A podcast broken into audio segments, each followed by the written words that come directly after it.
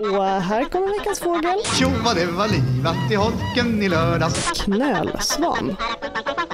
Nu är vi mitt i sommaren här och då vill man gärna bege sig till en badstrand om vädret tillåter.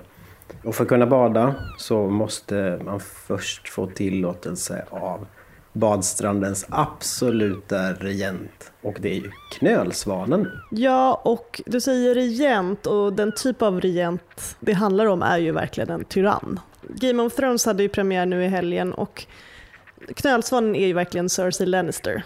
Absolut. Vacker och grym.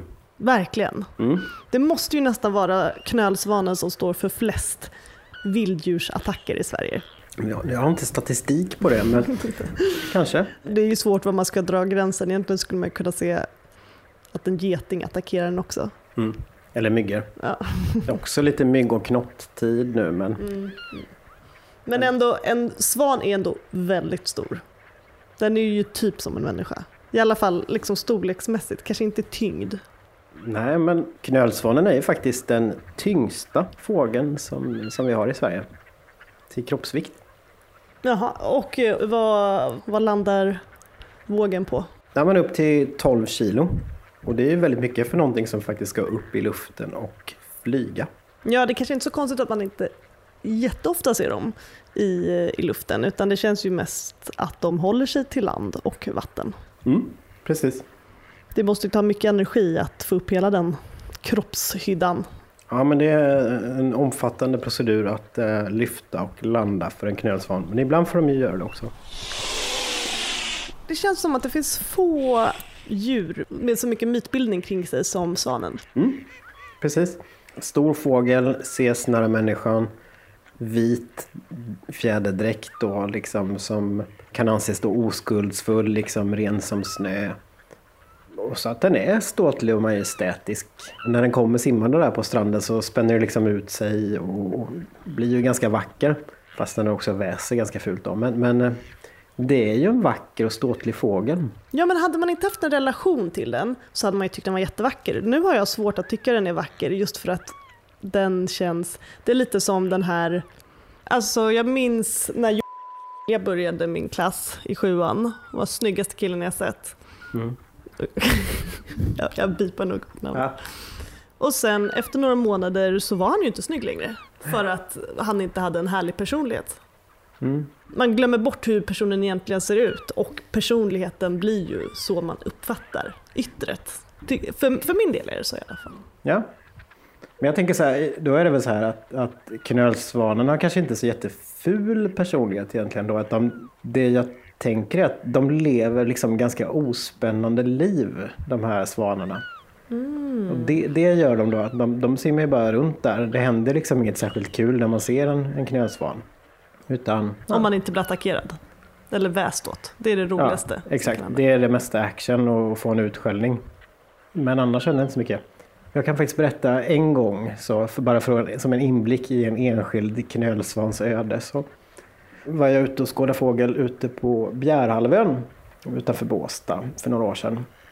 Och då mm, såg vi en ringmärkt knölsvan och rapporterade in det till ringmärkningscentralen på Riksmuseet och fick sen då svar att det här var en knölsvan som var märkt tio år tidigare inne i Båstad, ungefär två mil bort. Sen var det faktiskt någon annan som hade sett den här svanen efteråt och kontrollerat ringen och det var kanske fem år senare.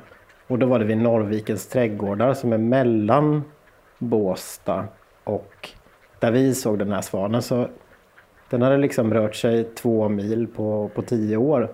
Och det kändes ju det lite tråkigt litet liv som den hade. Ja, du lär ju känna så mycket mer äventyrliga fåglar som flyger till Indien typ. Precis. Det, det, de här vagabonderna, det, det fascinerar mig mycket med fåglar. Den här knölsvanen, not much going on. Nej, men ehm, det känns nästan löjligt att ehm, prata om hur en knölsvan ser ut, för det tänker jag att alla vet, men du vill ändå gå igenom utseendet lite. Låt oss nämna det lite snabbt i alla fall. Det är ju så, det är inte bara knölsvan som finns i Sverige, utan vi har ju flera arter. Ehm, sångsvan, Som är en myrhäckande fågel som finns framförallt i norra Sverige men som sprider sig söderut. Och sen ibland på höst och vår då, så kan man också stöta på mindre sångsvan som är närbesläktad med sångsvanen. Men knölsvanen då, det är den största av svanarna. Längst hals och sen har den här röd-orangea näbben och så har den en knöl i pannan. Som ger Får den jag gissa namn. att det är där den har fått sitt namn ifrån? Precis. Men om man då vill ha en liten, vi, vi kan ju prata, den är ju en knöl också. Ja! Så det, det är ju någon slags minnesregel där. Så att den har knölen för att liksom visa sin lite, ja På det sättet matchar utseendet personligheten. exakt.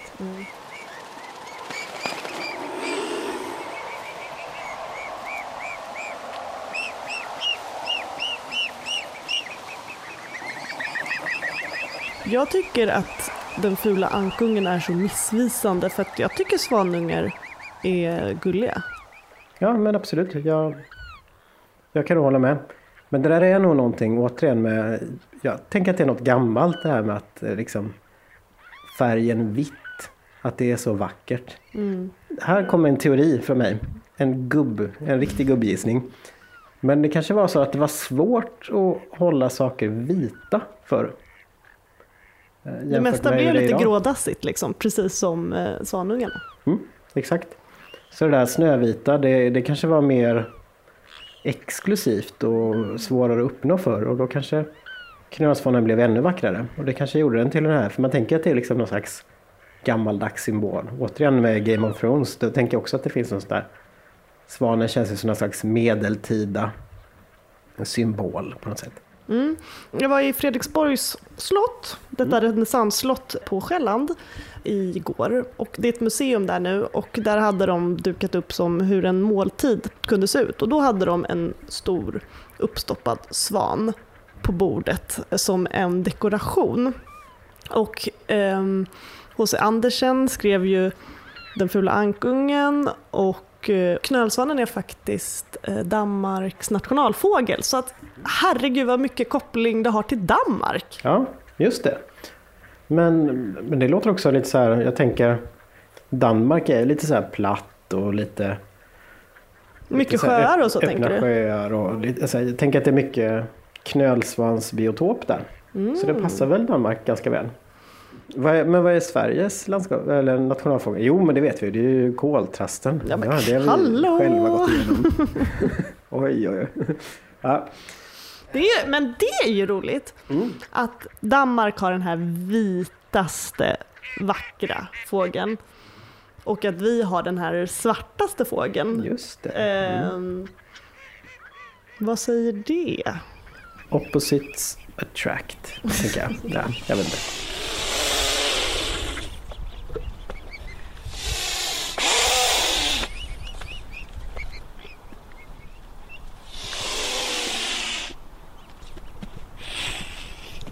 Det är sällan man hör en knölsvan ge ifrån sig så mycket ljud. Det är just ett väsande om den är arg på en. Är det något mer ljud den har?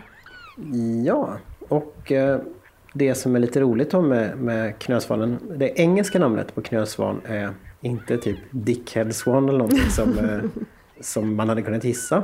Utan det är Whooper Swan. Eh, så att det lätet från knölsvanen som oftast hörs, det är faktiskt inte från strupen utan från vingarna. Det är ett vingsus från flygande knölsvanar som vi kan lyssna på här.